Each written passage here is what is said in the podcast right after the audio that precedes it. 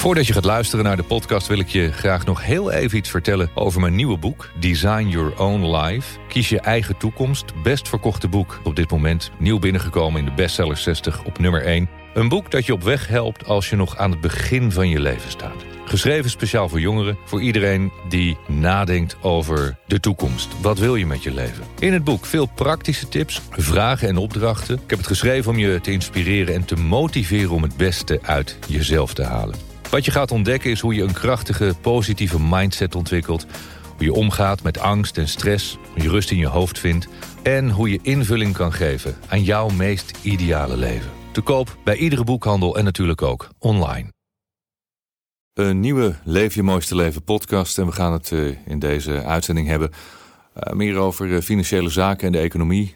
want corona heeft de wereld op zijn kop gezet voor zeker sommige ondernemers. Um, vandaag in de studio hier op Ibiza, Alco van der Bree. Iemand die al um, een paar keer heeft opgetreden tijdens Maximum Potential, de Business Edition. Omdat Alco um, heel veel weet van die financiële markt. Hij is uh, mijn beste vriend al jarenlang, financieel partner, financieel directeur, zeg ik altijd. En ook mijn adviseur. Ik, ik, leg iedereen altijd uit, als je advies nodig hebt, als je iets wil weten over bepaalde onderwerpen, vraag dan specialisten, mensen die er echt verstand van hebben. Alco is uh, over de onderwerpen waar we vandaag gaan spreken echt een van de specialisten in Nederland. Er zijn er meer, maar hij zegt wel een van de specialisten. Maar voor iemand die geen idee heeft wie je bent, kan je dat kort nog even een beetje uitleggen. Kort even inderdaad, Alko van der Bree. Ik ben eigenaar van de Elysee Groep. Een uh, boutique advieskantoor op het gebied van uh, accountancy, corporate finance en uh, daaraan gerelateerde vraagstukken. Club met 18 mensen, we zitten in het mooie Veenendaal. Ooit begonnen inderdaad misschien als bonnetjesteller, zoals jij dat zo mooi noemt. Maar in het echte leven natuurlijk als accountant. Ik ben zowel afgestudeerd als accountant als als register valuator op de Erasmus Universiteit in Rotterdam. En uh, ik hou me inderdaad in het dagelijks leven bezig met uh, fusie en overnames. Uh, en dat is natuurlijk wel weer boeiend op dit moment. Want er is nog wat aan de hand in de wereld. En veel overnames zijn stilgelegd, veel overnames zijn gepauzeerd. Iedereen zit natuurlijk te kijken van waar gaat het heen met de wereld en wat betekent dat voor enerzijds de verkoop van mijn bedrijf. Had ik het misschien toch niet eerder moeten doen. Anderzijds zijn kopers natuurlijk terughoudend. En die zijn goed aan het overwegen of ze een bepaalde overname nog wel of niet willen of kunnen doen.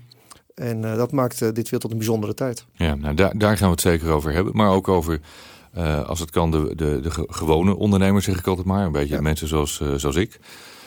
Je hebt een, een leuk bedrijfje, je bent geen multinational, maar, maar je doet het best aardig. het kan zomaar zijn dat het even iets minder gaat. Als ik puur naar mezelf kijk, dan, dan zijn natuurlijk in het eerste half jaar alle theatershows zijn afgelast. Maximum Potential Live konden we niet doen. Dus wij hebben even een ander businessmodel moeten optuigen voor heel veel artiesten, de hele entertainmentindustrie, alle events geldt dat natuurlijk ook. Wat hebben jullie zelf ontdekt waar, waar het ineens uh, heel erg anders ging? Of misschien met klanten dat je dacht mm -hmm. van ja, deze hadden we natuurlijk niet zien aankomen. Uh, nou, zoals bij iedere crisis, denk ik, zie je dat daar altijd winners en verliezers zijn. En dat zie je natuurlijk bij deze crisis ook heel duidelijk. Hè? Het is een crisis waarvan we nog niet weten hoe lang die gaat duren, hoe, hoe ernstig die wordt. Maar ook hier zie je natuurlijk nu al in de markt, in het bedrijfsleven zie je uh, een aantal winnaars naar boven komen. Hè. De supermarkten hebben het ontzettend goed gedaan de afgelopen maanden natuurlijk. En zo zijn er meer bedrijfstakken die floreren. De online business is natuurlijk uh, uh, geëxplodeerd. Maar je ziet inderdaad, zoals jij zegt, hè, in de theaters, in de horeca, in de evenementenbranche, daar zijn natuurlijk ontzettende klappen gevallen. En ja, wat je, hoe wij zo'n crisis eigenlijk altijd aanvliegen, is gewoon zowel voor mezelf als bedrijf als voor onze klanten uh, gewoon een brainstorm sessie houden en zeggen, ja, wat, uh, ja waar zitten we? En uh, waar gaan we mogelijk naartoe? Hè? Wat zijn de scenario's? En waar gaat dit ons raken? En als je die vragen dan beantwoordt, dan kun je vervolgens ook de stap maken naar hoe gaan we het dan oplossen? Of wat is ons plan B? En misschien moet je dit geval zelfs wel een plan C hebben, omdat dit natuurlijk een, een ongekende crisis is. in ieder geval qua, qua inhoud, om het zo maar te zeggen. We weten nog niet hoe zwaar die wordt, we weten niet hoe lang het gaat duren. Um, dus het is heel erg verstandig, vinden wij, om na te denken over, over je businessmodel en de kwetsbaarheid van je businessmodel. En er zijn natuurlijk heel veel ondernemers, en um, dat is ook niet zo vreemd, vind ik in dit geval, die zich natuurlijk nooit gerealiseerd hebben dat dit over hun heen zou kunnen komen. En dat is ook niet raar, want dit is ook iets natuurlijk wat we nog nooit eerder meegemaakt hebben. Wat niet te vergelijken is met alle andere crisissen die we gehad hebben. maar het zet ons natuurlijk wel tot denken.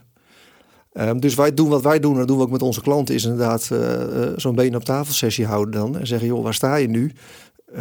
ben je eh, solvabel? Ben je liquide? Hoe loop je het jaar uit? Wat gebeurt als het eind van het jaar nog steeds niet opgelost is? hoe lang kun je dit volhouden? Of wat zijn de alternatieven? Ja, want dat is natuurlijk een van de dingen die ik altijd zeg. Hè. Als wij samen op het podium staan ook van... zorg nou dat je voor een paar maanden geld ergens hebt staan op de bank of, of thuis of in je portemonnee, doet het niet toe. Maar als jij zes maanden vooruit kan zonder dat er een euro binnenkomt... dan heb je natuurlijk veel minder stress ja. dan wanneer je iedere maand uh, echt afhankelijk bent van de inkomsten. Ja, ik denk niet alleen minder stress, wat overigens ook heel prettig is natuurlijk, maar vooral ook tijd om, uh, om je modellen aan te passen. Mhm. En dat laatste is misschien nog wel belangrijker. Ja. Kijk, als ondernemer heb je altijd wel de stress. En dat hoort een beetje bij het ondernemerschap. En daar zijn normaal gesproken de beloningen ook naar. Um, maar met geld en met een uh, gezonde balans uh, ja, koop je natuurlijk ook tijd om te, om te structureren. hè? Mhm. Om, om, om een plan B te bedenken en ook in te zetten. Ik heb best wel veel mails ontvangen in de afgelopen uh, maanden van mensen die zeiden: Wauw, ik moest weer terugdenken aan dat advies.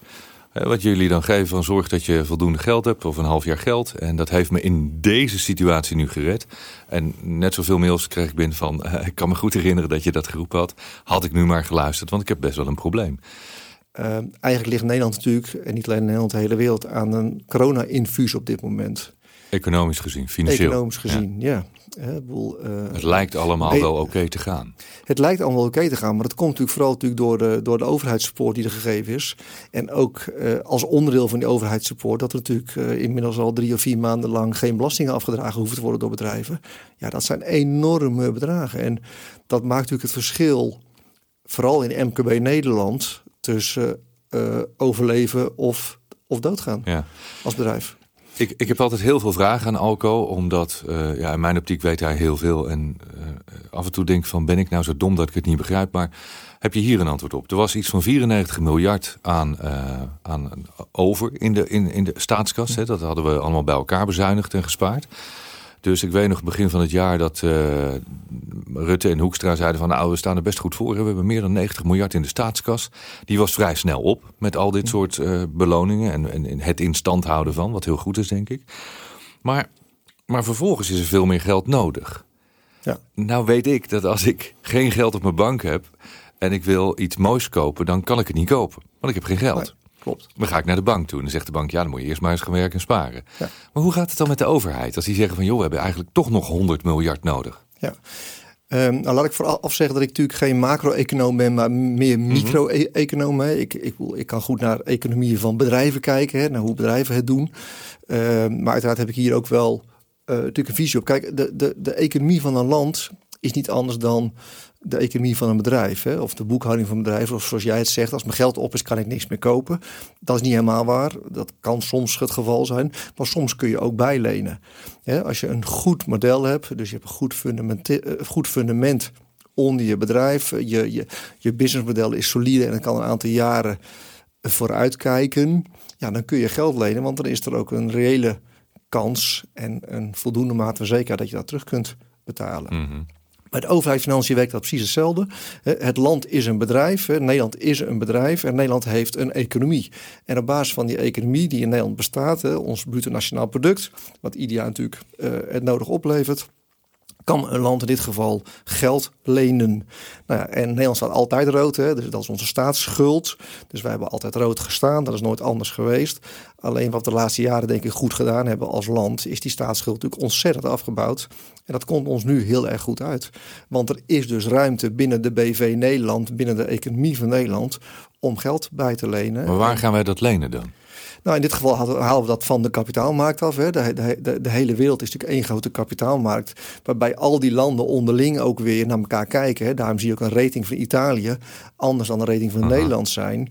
Omdat de economie van Italië kwetsbaarder is zeker in deze crisis, want daar komt u nog iets overheen met toerisme, dan de economie van Nederland. Dus het is, een, het is daar ook weer een, een, een, een, een, ja, een economie tussen de landen hè, en binnen Europa in dit geval specifiek, waarbij wij gewoon een solvabel land zijn. Maar, maar ik, wil, ik, ik denk dat ik voor heel veel mensen spreek die nu ook luisteren, want we zien dan die, die, uh, die miljarden die over tafel gaan en met dat akkoord. En dan ontstaan er vragen. Ja. Maar, maar mijn, mijn vraag is eigenlijk van, maar als al die landen geen geld hebben, niemand heeft geld eigenlijk. Ja. Stel je voor dat ik drie vrienden heb en ik heb geen geld. En ik ga bij mijn drie vrienden geld lenen die geen geld hebben. Dan hebben we met z'n vieren geen geld. Nee. Hoe, hoe, hoe werkt dat dan?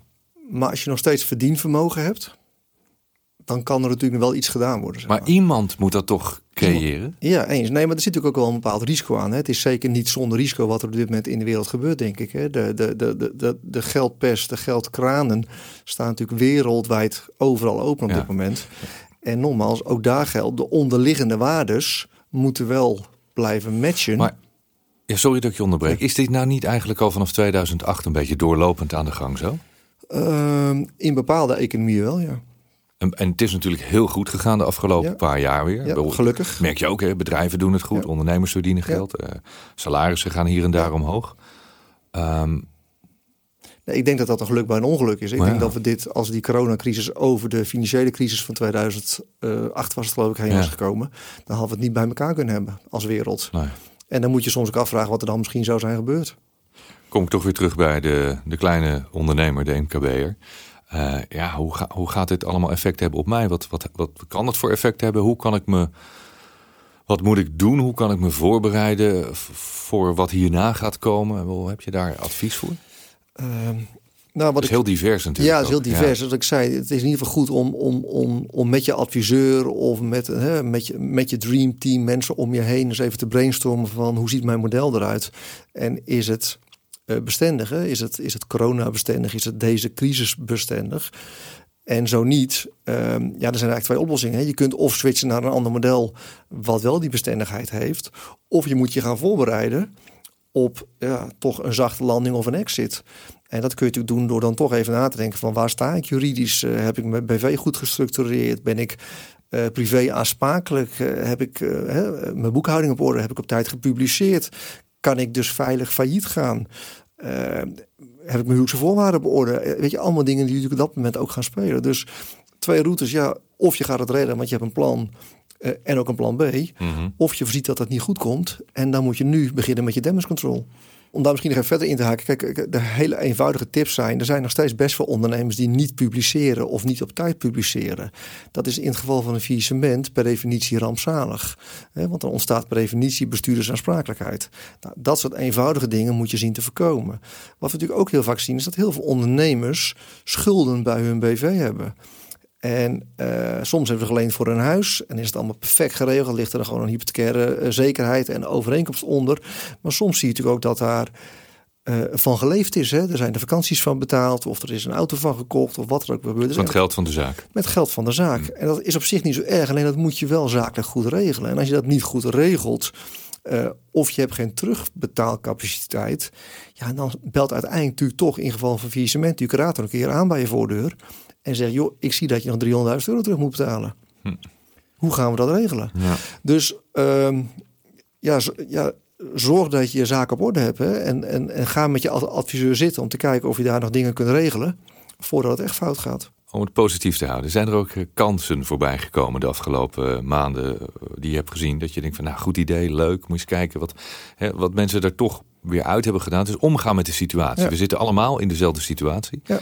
Maar sommige mensen die hebben dat uh, heel innovatief of creatief aangepakt. Ja, nou, ik zeg, er zijn, er zijn een aantal markten die, die, die goed gefloreerd hebben. En, en zelfs binnen de markten waar de crisis uh, ten volle ingeslagen is, hè, zoals bijvoorbeeld de horeca, zie je natuurlijk allerlei initiatieven op dit moment ontstaan om uh, maaltijden uh, nog beter of nog mooier toch thuis bezorgd te krijgen. Het thuis eten of het thuis uiteten is een concept wat natuurlijk ja, wat, wat, wat, wat floreert.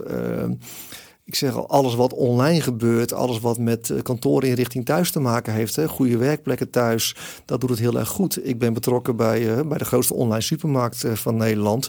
Ja, die hebben het ontzettend goed gedaan de afgelopen uh, maanden natuurlijk. En dat zal waarschijnlijk zo blijven. Want de consument die dat nog niet deed, online bestellen, omdat ze toch graag naar een winkel wilden, omdat ze daar het product konden voelen, zien, ruiken, whatever. Ja, die is nu toch online gaan bestellen. En je ziet nu de functionaliteit uh, van, die, hè, van, die, van die kladboodschappen bij, bij de voordeur. Uh, dus dat is een van de. Ja, er zijn heel veel takken van sport die het gewoon wel goed doen. Uh, ik ben met een ander bedrijf uh, betrokken. Ik heb een vrij grote overname nog gedaan. midden in coronatijd. een closing via Zoom. nog nooit in mijn leven volge, volgekomen, uiteraard.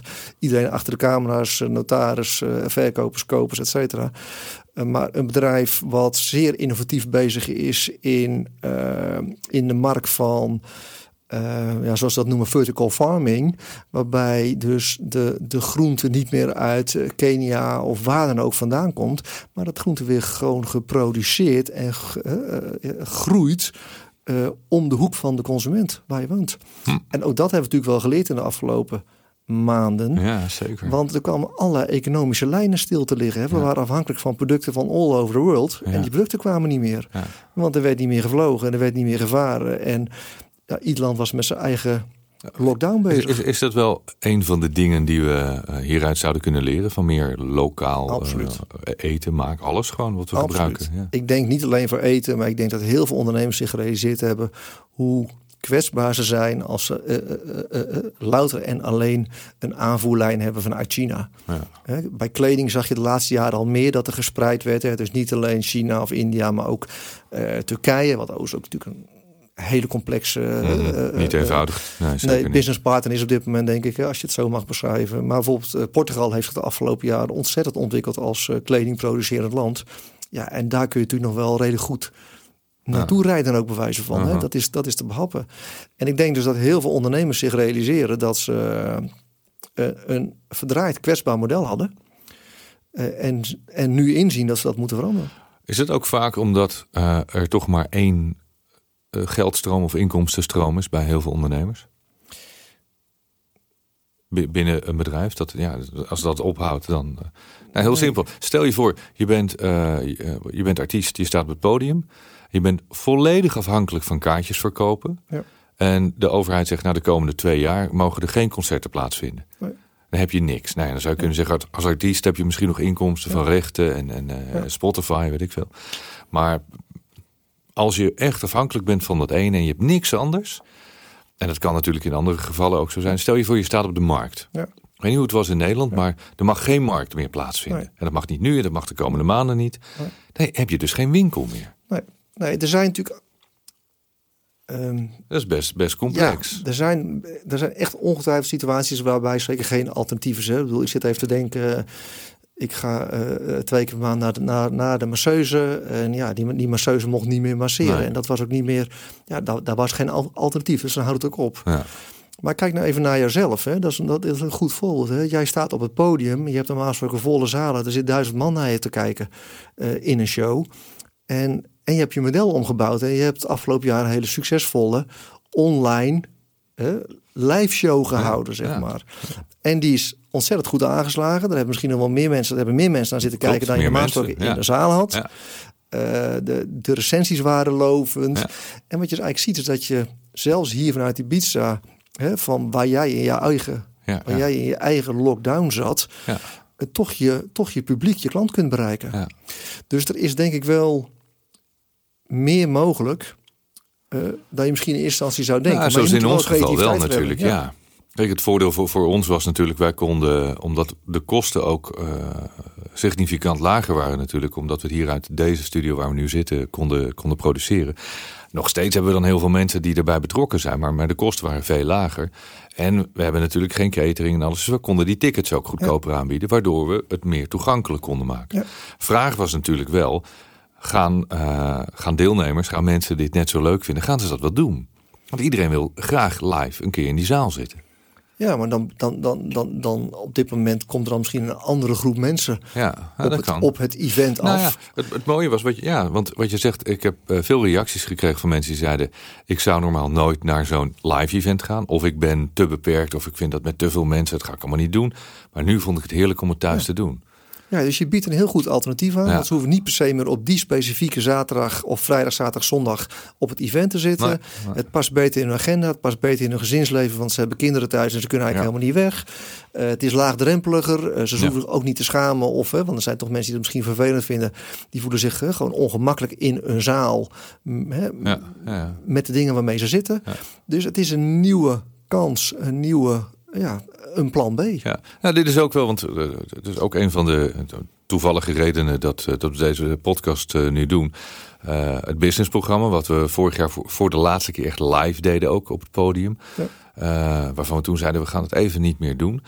Maar door alle omstandigheden zeiden we ook van ja, maar we hebben natuurlijk fantastisch mooie opname van, van vorig jaar. We hebben een fantastisch event. Ik geloof 20 uur video van, eh van Maxpot Business.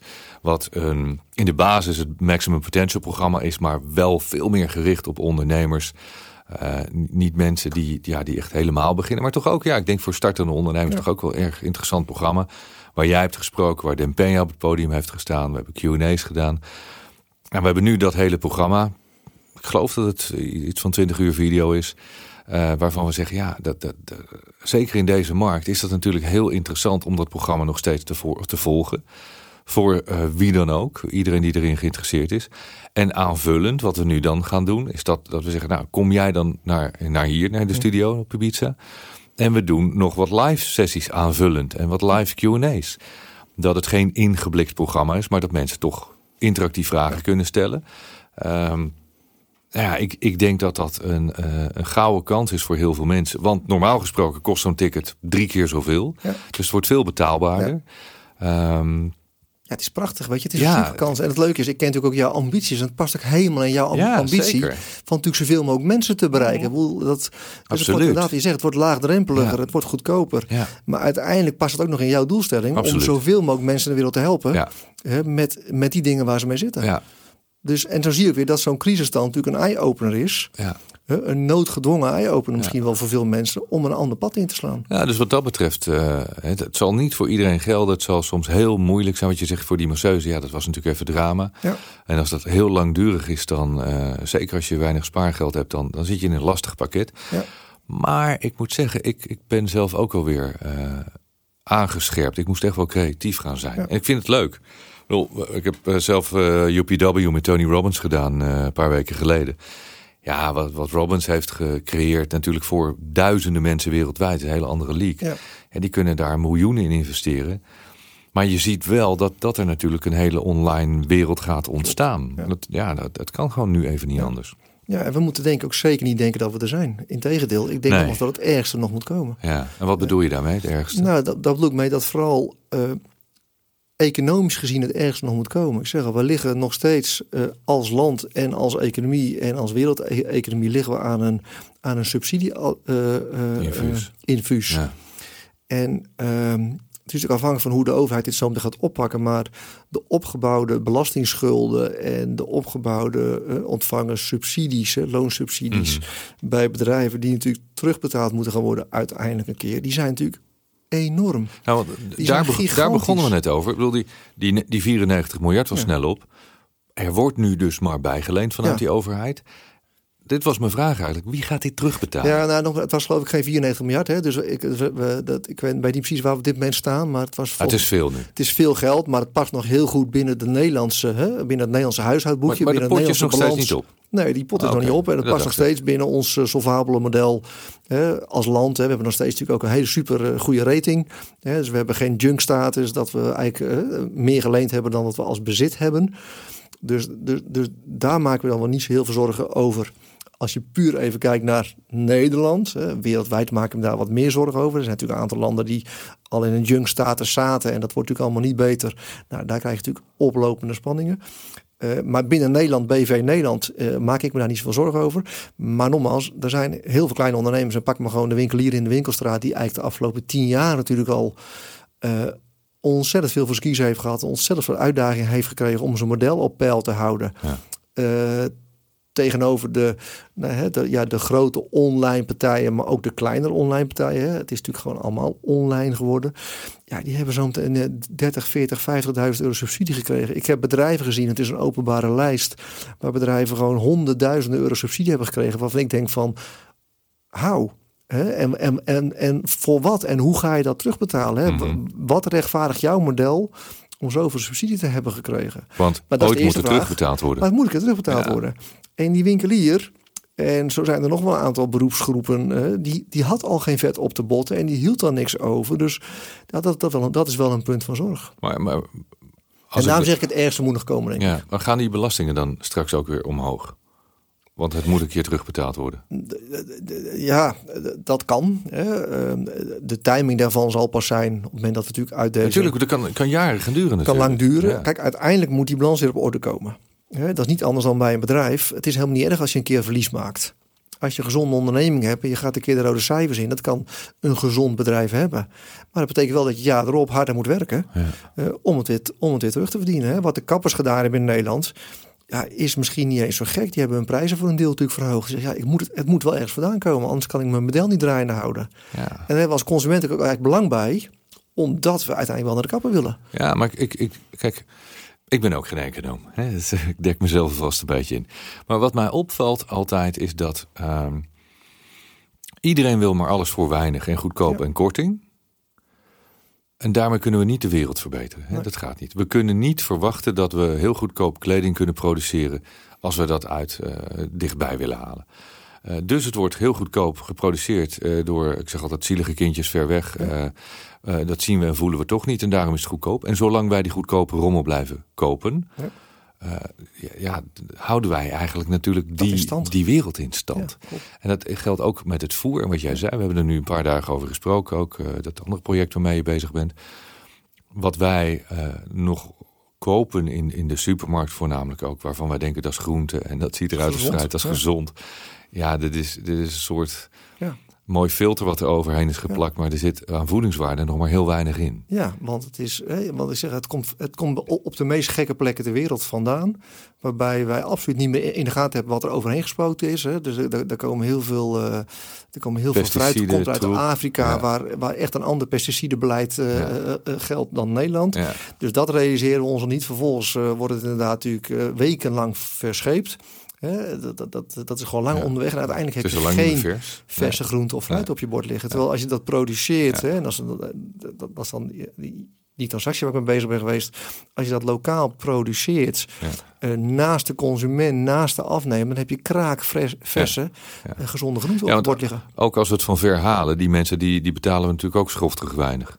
Dus dit is eigenlijk niemand heeft er wat Nee. aan. Nee, en daar zijn natuurlijk ook de, de kwetsbare lijnen ontstaan, ook richting China. Alles komt natuurlijk. Alles is geënt geweest op zo goedkoop mogelijk, omdat die consument dat dure product niet wil hebben. Maar die consument moet terug naar lokaal. En dat willen ze gelukkig ook steeds meer. En die realiseert zich ook dat dat winkeltje om de hoek, dat buurtsupertje of wie het dan ook is, of die slijterij, dat je die natuurlijk eigenlijk in leven moet houden Ja. door inderdaad misschien twee kwartjes meer te betalen. Ja. En dat kan ook gewoon. Ja, en toch zei je net, juist de online supermarkten, de grote molochen, die hebben het zo goed gedaan de Ja, laatste tijd. Klopt. Ja, kijk, nou, ik, goed, ik noem het bijvoorbeeld buurtsupermarkt, hè, maar Ja, die, nee, die is het al bijna niet meer. Maar kijk, pak de bakker en pak de groenteboer. Ja, en ja. Iedereen heeft wel zo'n klein winkelcentrumpje Ja. bij hem in de buurt, waar niet alleen een, he- een HEMA zit, maar ook inderdaad nog een lokale ondernemer. Zit er nog een HEMA dan? Ja, de HEMA zit juist heel veel in de, voor zolang het duurt, hè, maar dat lijkt nu even goed te gaan. Eh, maar ehm, de, de, die, die zit er vrij veel in. Ja. Zoals je weet, nee, ik snap het. Nee. Zeker, ja. Ja. Nou, maar dat is waar natuurlijk. Ga dan naar die groenteboer en ga naar die, die, dat bakkertje. En eh, ja, waar, waar ook nog met liefde eh, Precies. het echt Precies. betaal er dan een beetje Ja. meer voor. Ja. Ehm, ik moet zeggen, hier op Ibiza, ik merk dat steeds meer mensen bij de lokale supermarktjes eh, hun boodschappen gaan doen, waar het eh, allemaal niet zo netjes is als in de mooie grote supermarkt. En het, de paprika ziet er niet zo mooi uit als in Nederland is elke paprika gelijk. Ja, hier Ja. niet. Maar ik moet zeggen, het geeft me, het geeft me en een goed gevoel. Ja. Zelfs al, al klopt het niet, het geeft me een goed gevoel. Ik, ik, ik weet niet eens wat ik betaal, maar ik heb het gevoel dat ik mensen hier lokaal help. Ja. Eh, en dat het voor mij ook beter is. En het Ja. smaakt lekkerder. En begrijp me goed, hè? ik hou geen, ple geen pleidooi, pleidooi voor niet online meer. Want sterker nog, Oh nee, zeker niet. het online kanaal is een heel efficiënt Ja, kanaal. Hè? Als ja. je dat we even weer, als je even kijkt naar, die, hè, naar de online supermarkt die ik begeleid, daar wordt zoveel minder verspild dan bij de andere grote supermarkten, omdat ze eh, louter en alleen inkopen wat er al besteld is via de app. Hè. Dus het is, het, er is bijna geen voorraad daar en al helemaal geen voorraad van versproducten. Nee. Want de versproducten worden pas besteld op het moment dat de consument zijn bestelling, Ja. zijn of haar bestelling geplaatst Jullie willen toch ook juist in die, in die online wereld waar jij in zit, eh, meer die lokale, eh, eh, hoe noem je dat, dat verbouwen lokaal meer in die supermarkt gaan verkopen? Ja, dat, dat is uiteindelijk natuurlijk denk ik waar we naartoe moeten. Dan heb je het, nog, dan heb je het vooral over groente en fruit Ja, inderdaad. Hè. Dus hoe, dicht je dat, hoe dichterbij je dat brengt, hoe beter, hoe verser, hoe Aan gezonder, de andere hoe kant, minder CO2-uitstoot. Ja. Want eh, dat- natuurlijk. Ik was eh, begin januari, hè, toen we nog mochten reizen, was ik op de Bahama's. Ja, weet je, eh, voor wat zakelijke dingen. En als je dan daar natuurlijk de supermarkt loopt en je kijkt wat een komkommer kost, of een krop sla, dan ben je 6, 7 dollar kwijt. Dan Ja. heb je ook nog niet eens een verse komkommer. Ja. Want de aanvoerlijnen zijn vanuit Amerika of waar ter wereld, het is er bijna niet te brengen. En dus het is het duur, is duur. Ja. het is niet vers meer en dat kan natuurlijk veel beter. Ja. Aan de ene kant kun je natuurlijk zeggen, ik, ik ben het met je eens hoor. Aan de ene kant kan je zeggen, ehm, je moet het niet van ver halen, want eh, nou ja, weet je, het is niet meer vers en gedoe allemaal. Dat betekent wel, als we alles veel meer lokaal gaan produceren, eh, voeding, kleding, alles, dat er veel minder logistiek nodig is. Dus minder Ja, vliegtuigen, minder precies. cargo, minder scheepvaart, minder uitstoot. Voor de aarde, eh, voor- moeder aarde, voor de natuur, voor alles is het goed. Maar het betekent wel dat je de logistieke sector natuurlijk weer even. eh, Ja. dat het daar wat minder Ja, gaat met de klopt, omzet. ja. Ja. Dat klopt. Ja, maar en daar moet je met elkaar natuurlijk over nadenken. Kijk, en kijk, lokaal wil niet zeggen dat per se jouw spijkerbroek in Ibiza stad gemaakt hoeft te Nee, worden. het nee, gaat niet om. Maar het gaat natuurlijk om dat je op dit moment ziet inderdaad. En daar hebben we heel veel voorbeelden van gelezen de laatste eh, eh, maanden, denk ik. Hè, dat inderdaad dat je kiwis uit, eh, uit Nieuw-Zeeland komen. Hè. Bedoel, Ja, veel verder weg kan het niet vandaan komen. En het is natuurlijk best wel raar om, om containers vol met kiwis, hè, boten vol met kiwis, continu heen en weer te laten varen van, van Nieuw-Zeeland naar de haven van Rotterdam. Dat is best wel raar voor zo'n product, hè? want het is ook nog een relatief goedkoop product natuurlijk. Ja. Dus ik denk dat voedsel veel lokaler kan. En ik doe maar met lokaal, als je kijkt naar andere producten, dan denk ik dat Europa ook voor heel veel producten een mooie lokale markt is. Zeker. Hè? Maar we moeten wel eens nadenken over China en India misschien en over Amerika en over. Ja. Ja. er zijn kanalen die misschien niet noodzakelijk zijn. Ja. Europe first. Nee, nee.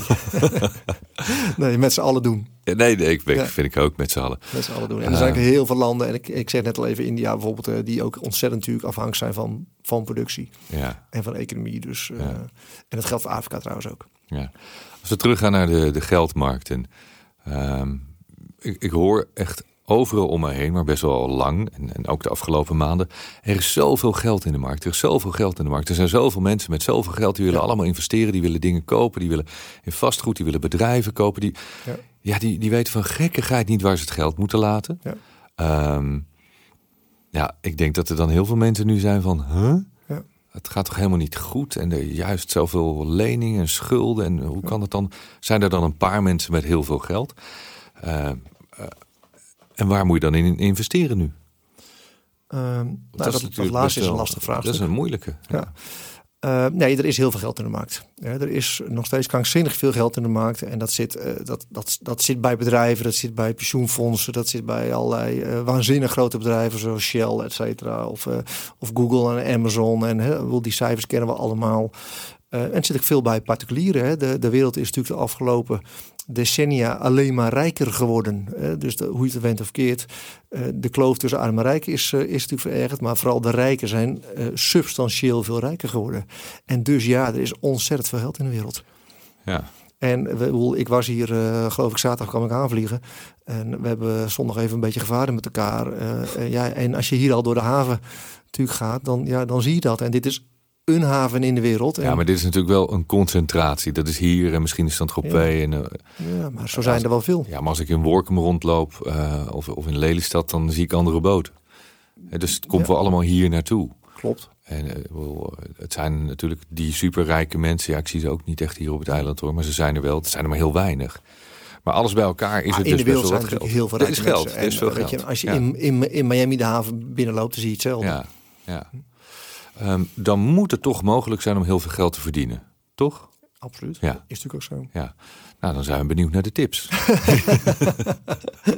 Nee, maar, Stel je voor, je bent eh, een- een 18 of 20 of 25 of 40, voor mijn part 50. Wat kan je dan doen om, ja, voor mij, ik zeg ook altijd, je hoeft niet miljonair te zijn om, om je mooiste leven te leven, maar gewoon dat je comfortabel meer kan leven als ondernemer. Wat, wat zijn nou belangrijke dingen waar je, waar je rekening mee moet houden? Of, of veelgemaakte fouten die je moet voorkomen? Als ik gewoon even kijk naar, naar onze klantenportefeuille. En wij hebben heel veel succesvolle eh, ondernemers in ons portefeuille zitten. Zeg al, die, die, die in Nederland of wereldwijd actief zijn. Ehm, de rode draad die ik daar toch wel zie, denk ik, is vooral gedrevenheid. Het is misschien niet eens zozeer een businessmodel, maar focus en dedicated met iets- bezig zijn. Dus een plan maken en je plan uitvoeren. En daar ook in begeleid worden en niet eh, je laten afleiden om allerlei zijpaden te nemen. Eh, ik denk dat dat eh, ontzettend belangrijk is. En dan zijn er, en ehm, ja, ik zou zeggen, pak de quote erbij. Hè? Dat, is, dat, is altijd wel een grappig. ehm, hè? De quote 500 heb ik dan over. Het is toch grappig om te zien waar dan inderdaad bijvoorbeeld hè, de 500 rijkste Nederlanders hun geld mee verdiend hebben. Dan zie je natuurlijk in wat voor takken van sport dat zit. En dat zit de laatste jaar natuurlijk steeds meer online. Hè? En, maar ook supermarkten. Er- staan heel veel supermarkten, ex-supermarkten-eigenaren staan in de quote. Eh, voetballers doen het ook, ook nog steeds goed. Dat zal misschien nu ook een beetje bijdraaien, eh, omdat die economie natuurlijk ook wat klap krijgt. Maar er zijn eh, veel takken van sporten, eh, eh, online betaalbedrijven. Eh, dat, ja, dat, zijn nieuwe economieën. Eh, dus daar is slim over nagedacht. En daar liggen heel veel kansen. En toch, dit klinkt allemaal groot. Ja, ik, ik kan me voorstellen als je nu zelfstandig bent, of je Ja. een klein bedrijfje, of je hebt een idee en je zegt, ja, ik heb eigenlijk 15 of 50.000 euro nodig voor mijn plan. Eh, dan, dan, ja, dan is het toch zo dat je beter een groot plan kan hebben en dat je zegt, Nee, joh, ik heb een paar ton bijvoorbeeld, nodig. Ik zie, ik zie, ik zie hè, klanten en bedrijven die heel succesvol in de detacheringsmarkt stappen. Omdat ze ergens zien dat er ergens hè, schaarste ontstaat. Hè. Ja. Nu is de zorg natuurlijk zo'n ding. Hè. We, Ja. hebben gezien wat er gebeurd is dit jaar. Ja, ja. En je ziet nu alweer de eerste bedrijven die zeggen... Wacht even, ik ga me focussen op, hè, toch op zorg. Om te zorgen dat, daar, dat ik daar mijn mensen kan leveren. Ehm, ik zie eh, kleine ondernemers die gewoon heel succesvol online hun producten weten aan te bieden. Omdat ze dat marketingtechnisch gewoon heel slim doen. Ja. Dus dat zijn, het zijn bij spreken soms bijna scholieren die net van school komen en wat oorbellen in elkaar geknutseld hebben. En dat, Mhm. dat, en dat eens een keer op een websiteje zetten. En, dat- en, en dat begint te lopen. En dan, dan gaan ze er een paar tasjes bij maken en een paar sjaaltjes. En, en voor je het weet doen ze 100.000 euro omzet per maand. Ja. Weet je? En, en dat zijn soms meiden van 24 jaar oud. Ja. Dus eh, Wat, wat is nou het verschil tussen die, die, die ene meid van 24 die na, laten we zeggen, een jaar 100.000 euro omzet heeft per maand. En iemand anders die ook 24 is, of 40 of whatever. Maar die dan eh, al jaren aan het doormodderen is. En nooit verder komt dan die 4000 euro per maand. Wat, wat is nou het grote verschil? Ja, dat, dat, dat, dat, dat, is een last. Dat is last. Het is een makkelijke vraag, maar dat is niet in zijn algemeenheid zo te beantwoorden, denk ik. Dat heeft soms met focus te maken, soms met je product, soms met je marketingmix, eh, soms met de adviseur die je om, je heen hebt. Dat kan zoveel zijn. De tijd die je erin steekt, ga je er echt voor. Ehm, ja, en ik zie ook wel ondernemers die gewoon. Wat denk ik ook niet helpt, is als je als je opbouwt, dat je je moet step bij step opbouwen. En er is ook wel een groep ondernemers die, ik zeg het, te snel ook beginnen te leven als ondernemer, zeg ik wel. Hè? Net doen alsof ze met pensioen zijn of het gemaakt hebben. En eigenlijk dus hun, hun buffer al opvreten. En als je je buffer opvreet, dan kun je eigenlijk niet op de goede momenten de next step maken. Want als er een kans voorbij komt, moet je als het ware gewoon, je, gewoon geld hebben liggen. Moet je zeggen, hey, dit kan ik pakken. Of deze overname zie ik nu voorbij komen. Dit is 1 en 1 plus 1 is 3. Maar dan moet je natuurlijk wel kunnen schakelen. Ja. Dus dat speelt denk ik ook vaak mee. Dus aan, aan het begin van, van de carrière een beetje zuiniger aan doen. Wat, wat geld Helpt apart houden. ontzettend. Altijd. Hè? Of je nou eh, zakelijk of privé. In mijn optiek Altijd. altijd, goed. Ja. Weet je, het maakt je een relaxte ondernemer. Ja. Je kunt eh, eh, iedere crisis in, in principe aan. Je kunt, ja, en je kunt kansen pakken. Ja. Met geld maak je geld. Ja, nou, dit is natuurlijk wel vaak de kritiek die eh, geroepen wordt van ja, maar als je geld hebt is het makkelijk om geld te verdienen. Ja. En dan zeg ik altijd, als het zo makkelijk was, dan had je nu geld gehad. Ja. Nee, dat, dat is te kort door de bocht. Ja. Maar het wordt wel makkelijker als je geld hebt. Natuurlijk wordt het kunt- makkelijker. Je, je kunt schakelen. Maar je kunt het ook makkelijk verliezen. Want als je het niet hebt, kun je het niet verliezen. Nee, nee. En ik, ik vind het te makkelijk. Mensen denken altijd, ja, als ik dat geld zou hebben, ja, dan ga ik makkelijk geld verdienen. Ja. Maar dat is niet al. Nee. Vaak is dat ook niet waar. Hè? Nee, zo werkt het niet. Nee. Maar het is wel zo dat je natuurlijk Je hebt het Dat- nodig om, om te kunnen investeren. liquiditeit geeft flexibiliteit. Alleen toen wij begonnen, en iedere ondernemer toen hij begon, had hij ook niks. Dus Nee. het is weer terug een beetje sparen. En dat sparen investeren. Toen ik begon had ik ook niks. Nee. Maar dan is vervolgens de vraag, wat doe je met je eerste ton? Koop je daar een Audi van? Eh, of niet? Wat heb je met je eerste ton gedaan? Weet je het nog? Eh, wat ik, nee, dat weet ik niet meer. Eh, er is uiteindelijk ook bij mij een Audi gekomen, maar, ik, Ja. maar zeker niet van mijn eerste ton. Nee. Alco is een van de zuinigste mensen die ik ken. Die zegt altijd dat ik te veel geld uitgeef. Dat doet hij al ongeveer mijn hele leven. Eh, wat heel goed is, want anders dan was het allemaal op geweest. Behalve als het gaat om champagne. Ja, nee, maar dat, dat is ons plezier in het leven natuurlijk. Ehm, ik wil langzaam naar het einde gaan en dan ga ik terug naar het begin. Want jij begon met een heel mooi verhaal dat je heel veel titels hebt met eh, accountants en, en weet ik veel, RA, weet ik wel, Mhm. business valuator, wat je allemaal bent. Hè. Maar jij begon ooit een keer op school.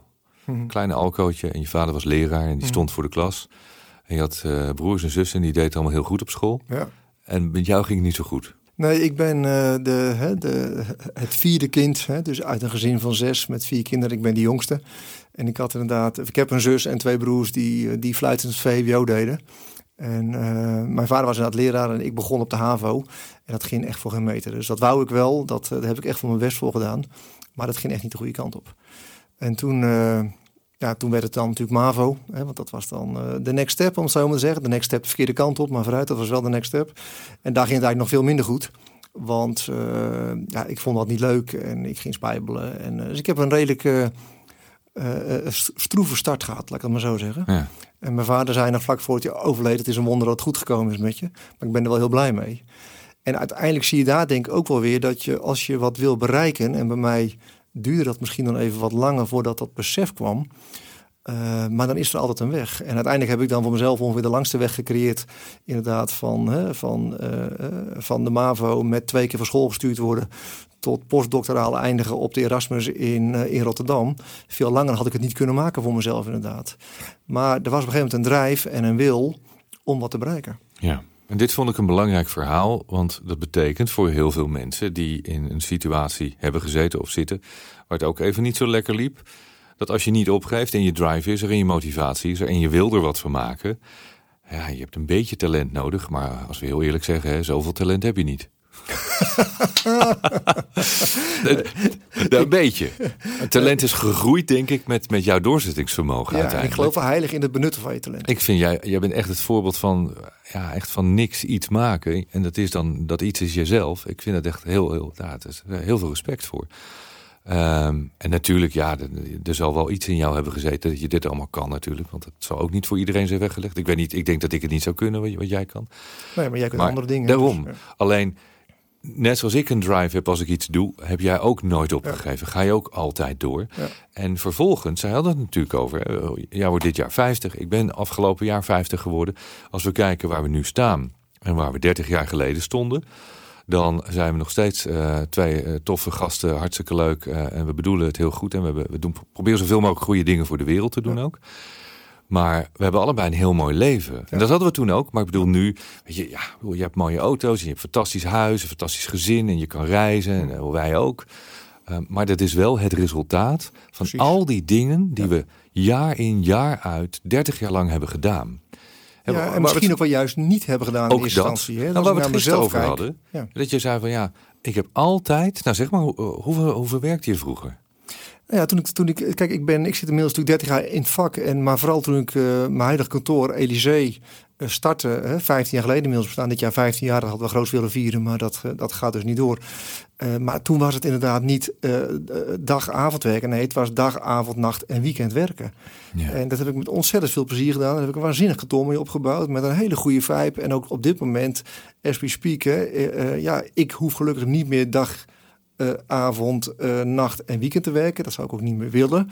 Maar er staat wel een organisatie en een team met die spirit nog steeds. Mhm. En eh, waarbij we onze klanten ook op die manier ja, bedienen en behandelen. En dus ik heb geen seconde spijt van het feit dat ik op een bepaalde periode in mijn leven wat dingen heb moeten laten. reizen, gezin, vrije tijd, sport, whatever.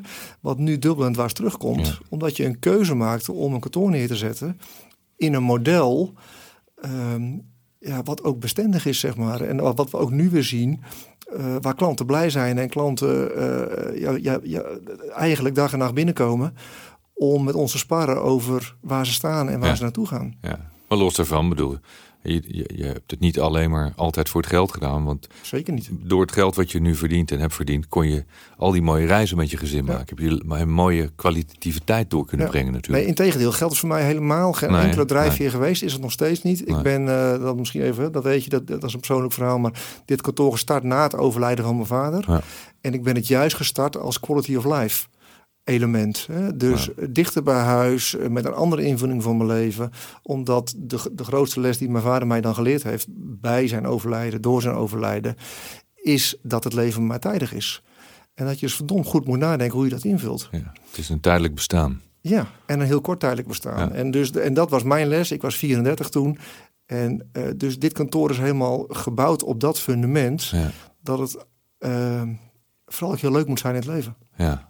En je toekomst wordt elke dag korter. Daarom drinken wij, als het even kan, een fles champagne. Dat is uh, bij ons altijd de grap. Plop, het geluid van succes. Precies. en um, ja, daar genieten we van en we doen mooie dingen. En nogmaals, wat, wat ik zeg, weet je, ik vind het tof. We doen het op onze eigen manier. Proberen we toch iets bij te dragen dat, dat deze aarde daar uh, ook, ook wat beter van wordt. En uh, zo accountant als je bent, hebben we dan uh, gisteren een hele mooie indianenmeditatie gedaan. Dat vind ik altijd dan leuk als jij meegaat. Uh, op de Crystal Mountain hier op Ibiza. Dat is toch weer een hele andere vibe. En dan, ja, weet je, dat vind ik ook mooi. Dat, ik kan me voorstellen dat mensen heel vaak een beeld hebben van mensen zoals jij, die in die zakenwereld zitten en met geld. Hè, altijd, dat, dat je altijd in een pak loopt en altijd in een veel te dure auto rijdt en altijd in een veel te groot kantoor en alleen maar met, met weet je, met van dat soort mensen omgaat. Maar dat jij ook gewoon hier lekker een beetje heel relaxed uh, tussen de Indianen op, op een eiland kan zitten. Ja, dat vind ik mooi. Ja. Nou, gisteren was wel een bijzondere ervaring, moet ik eerlijk bekennen. dat vonden we allebei, geloof ik wel. Uh, we kregen achteraf zelfs iemand die zei: We hebben u de rotzooi weer opgeruimd in het bos. Maar uh, om even dan toch weer daar de kern te pakken, zonder meditatie of zonder rust zou ik dit niet kunnen. Nee. dus, en dat geldt denk ik voor heel veel ondernemers. Dat is ook mijn advies aan veel van de ondernemers die ik spreek. Ja, neem je rust, neem je reflectietijd. Ja. Dus, uh, het staat een beetje haaks op wat je net zei, van ik werkte ongeveer acht dagen per week. Ja, maar dat deed ik dan ook niet goed denken op het begin. Hè? Dus dat was op dat moment nodig. Nou, omdat ik dat, ik had dat plan en dat plan ging ik uitwerken. Maar je zag, en je ziet nog steeds, dat ik uiteindelijk ook natuurlijk mijn reflectietijd nodig had. Dus het is helemaal niet erg om een aantal jaren uh, denk ik, uh, wij spreken uh, bijna doelloos rond te rennen en, en, en, ja. en, je plan uit te werken en even niet te reflecteren. Ja. Maar uiteindelijk moet dat wat terug. En ja. ik merkte al vrij snel door de jaren heen dat omdat ik zoveel reis en juist, ik reis ook vaak alleen, ook heel vaak gelukkig met mijn gezin, wat ik prachtig vind, maar ik ben natuurlijk ook vaak bij jou, we hebben samen gezeild. Weet je, als ik dan bij jou op de zeilboot zat en we zaten op de Middellandse Zee, dat daar mijn inspiratie weer kwam voor de next step. Hè? Ja. Of voor wat ik anders moest doen binnen ja. mijn team of binnen mijn organisatie of bij mijn klanten. Ja. Dus rust, meditatie, luisteren naar je eigen ademhaling, zeg ik altijd, mm. is ontzettend waardevol. Bij Elise hebben jullie toch ook een stiltekamer? Ja, wij hebben een stiltekamer op ons nieuwe kantoor. Ja. Ja, en er wordt dankbaar gebruik van gemaakt. Dat is heel prettig. Mensen vinden dat ontzettend fijn om af en toe even tien minuten inderdaad even in die stilte te kunnen zijn. Ja. Dat is mooi hoor. Ja. Dat is mooi. Nou, ik vind ook dat we genoeg hebben gezegd. Dus het is tijd om stil te zijn. Leuk. Ja, goed. dankjewel, man. Een goed verhaal. Het is altijd fijn om, om dit te horen en te mogen delen met elkaar. Uh, het mooie is, uh, wat we net al zeiden, we gaan uh, het businessprogramma van Maximum Potential, dat, dat bieden we nu online aan. Dus je kan al die uren video, live registratie van, van het event van afgelopen jaar. inclusief alles, het werkboek zit erbij. Vooraf krijg je ook de vragenlijst met... Um, ja, wat wij graag van je willen weten, waar we je mee zouden kunnen helpen. Aangevuld gaan we dus een aantal live sessies doen. Al die informatie die is binnenkort op de website te bekijken. Alco is er dan bij, hier ook in de studio, om vragen te beantwoorden. En dan gaan we nog verder kijken van, ja, wat, wat, hebben die, ehm, die effecten van de laatste maanden, het, het hele corona-verhaal, wat heeft dat allemaal voor gevolgen voor, voor jou, mij, voor, voor de ondernemers, voor, nou ja, voor, eigenlijk voor iedereen? Wat, wat heeft het voor effect op ons leven? Nu, komende maanden en volgend jaar natuurlijk, misschien wel de komende jaren. Waar moeten we rekening mee houden? Hoe kun je jezelf er beter op voorbereiden?